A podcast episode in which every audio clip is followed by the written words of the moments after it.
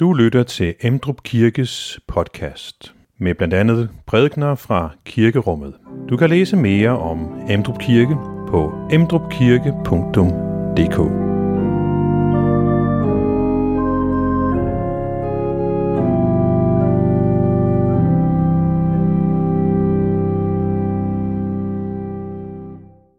I dag har vi Maria bebudelsesdag, og vi skal fejre to ting.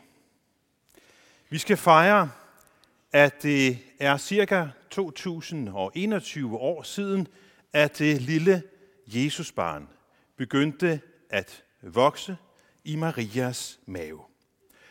Og vi skal også fejre, at i fredags, den 19. marts, var det præcis 60 år siden, at Emdrup Kirke blev indviet. Og de to ting hænger uløseligt sammen. For hvis ikke Jesus var kommet, så ville der selvfølgelig ikke være nogen kirke her i Emdrup.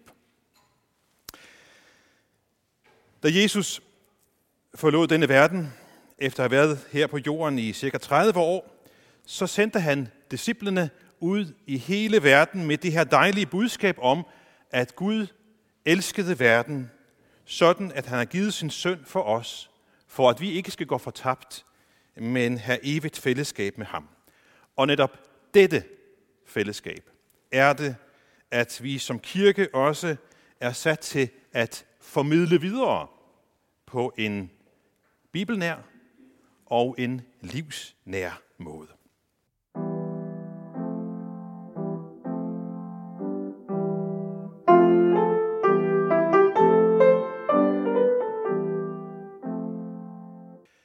Dette hellige evangelium skriver evangelisten Lukas.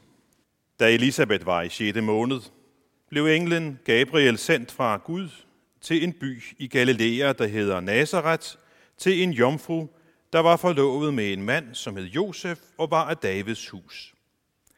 Jomfruens navn var Maria, og englen kom ind til hende og hilste hende med ordene, Herren er med dig, du benådede. Hun blev forfærdet over de ord og spurgte sig selv, hvad denne hilsen skulle betyde. Da sagde englen til hende, frygt ikke, Maria, for du har fundet noget for Gud. Se, du skal blive med barn og føde en søn, og du skal give ham navnet Jesus. Han skal blive stor og kaldes den højeste søn, og Gud Herren skal give ham hans David, fader Davids trone, han skal være konge over Jakobs hus til evig tid, og der skal ikke være ende på hans rige. Maria sagde til englen, hvordan skal det gå til? Jeg har jo aldrig været sammen med en mand. Englen svarede hende, Helligånden skal komme over dig, og den højestes kraft skal overskygge dig. Derfor skal det barn, der bliver født, også kaldes helligt Guds søn. Også din slægtning Elisabeth har undfanget en søn nu i sin alderdom. Hun, om hvem man siger, at hun er ufrugtbar, er i 6. måned. Til intet er umuligt for Gud. Da sagde Maria, se, jeg er Herrens tjenerinde. Lad det ske mig efter dit ord. Så forlod englen, englen hende. Amen.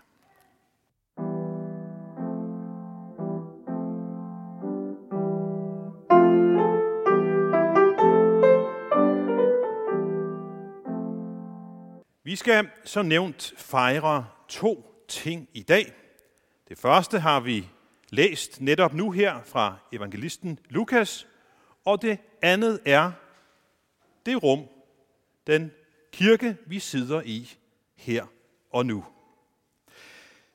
I dag så er det sådan cirka 2021 år siden, at Gud sendte englen Gabriel til Maria i Nazareth for at fortælle hende, at det lille bitte Jesusbarn skulle begynde snart at vokse i hendes mave.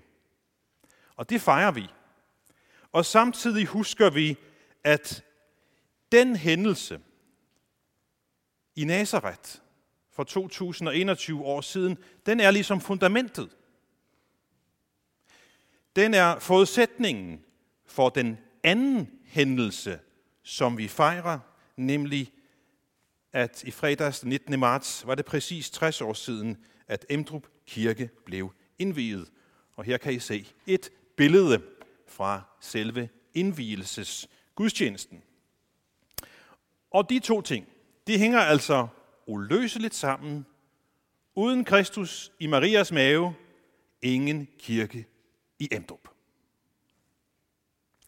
Det startede som et lille bitte foster i, i Marias mave. Og i dag så skønner man, at cirka en tredjedel af hele verdens befolkning er berørt af kristendom. Kristendommen vokser, og man anslår, at ja, måske 80 eller mere procent af alle mennesker på jorden har hørt evangeliet om Jesus Kristus, hvis liv her på jorden startede i Jomfru Marias mave. Emdrup Kirke startede som en tanke og som en bøn i en bibelkreds. Ikke langt herfra. Op på Emdrup Torv, der ligger der et hus på hjørnet. Og så vidt jeg er orienteret, så var det deromkring, at man mødtes. Og det var på en måde startskuddet til Emdrup Kirke, og forskellige omveje er det så blevet til kirken her ved Mosen. Med til mellemregningerne hører, at Emdrup Kirke blev et selvstændigt sogn i 1946, men startede, I kan se på billedet, i Barakkirken i KFM-parken. Og I kan se på det moderne billede, som blev taget her i denne her uge, at øh, lige nu så ligger det bygningen der stadigvæk klemt inde imellem tennisbaner og en håndboldhal og en tennishal, og i øjeblikket er der vægte og træningslokale inde i det, der tidligere var Emdrup Kirke. Mens man holdt gudstjeneste der og prøvede at overdøve fodbolderne, så ramte væggene, så foretog man sig en stor og mangeårig indsamling. På mange forskellige måder, mange kreative måder med indsamlingskort og bazaar og forskellige steder rundt i landet. Og imens så gjorde man sig mange tanker om, hvordan kirken skulle se ud, hvordan den skulle indrettes. Og så i 1961 fik man lagt en grundsten, og lige bag hende, der står der et skilt. 4. juni 1960 blev grundstenen lagt. Og så kom indvielsen der den 19. marts 61. Maria, hun påtog sig den vigtige opgave, Gabriel fortalte hende om. Disciplerne, de påtog sig den store opgave, Jesus gav dem inden himmelfarten, at de skulle brede budskabet ud til hele verden. Fortælle om, at Gud i sin store kærlighed har givet sin søn for os, for at vi ikke skal gå fortabt, men have evigt fællesskab med ham. Og det er jo det, vi også er her for. At formidle dette fællesskab med ham, verdens frelser, videre.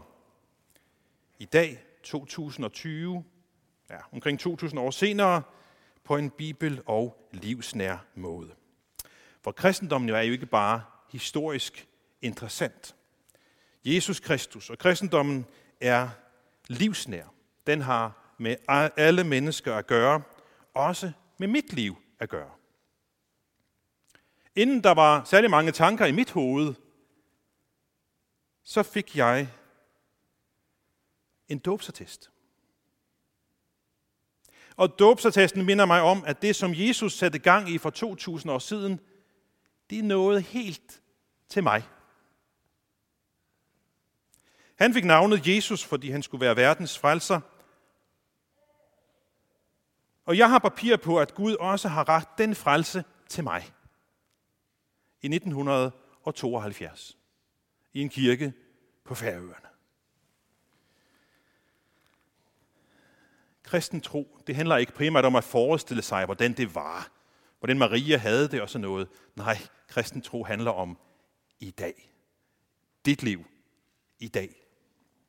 Aktuelt. For Jesus er ikke død. Han er levende. Og vi har netop bekendt, hvor han er lige nu. Udover at være alle vegne, så sidder han, som vi sagde i trosbekendelsen, ved faderens almægtige, Gud faders den almægtiges højre hånd.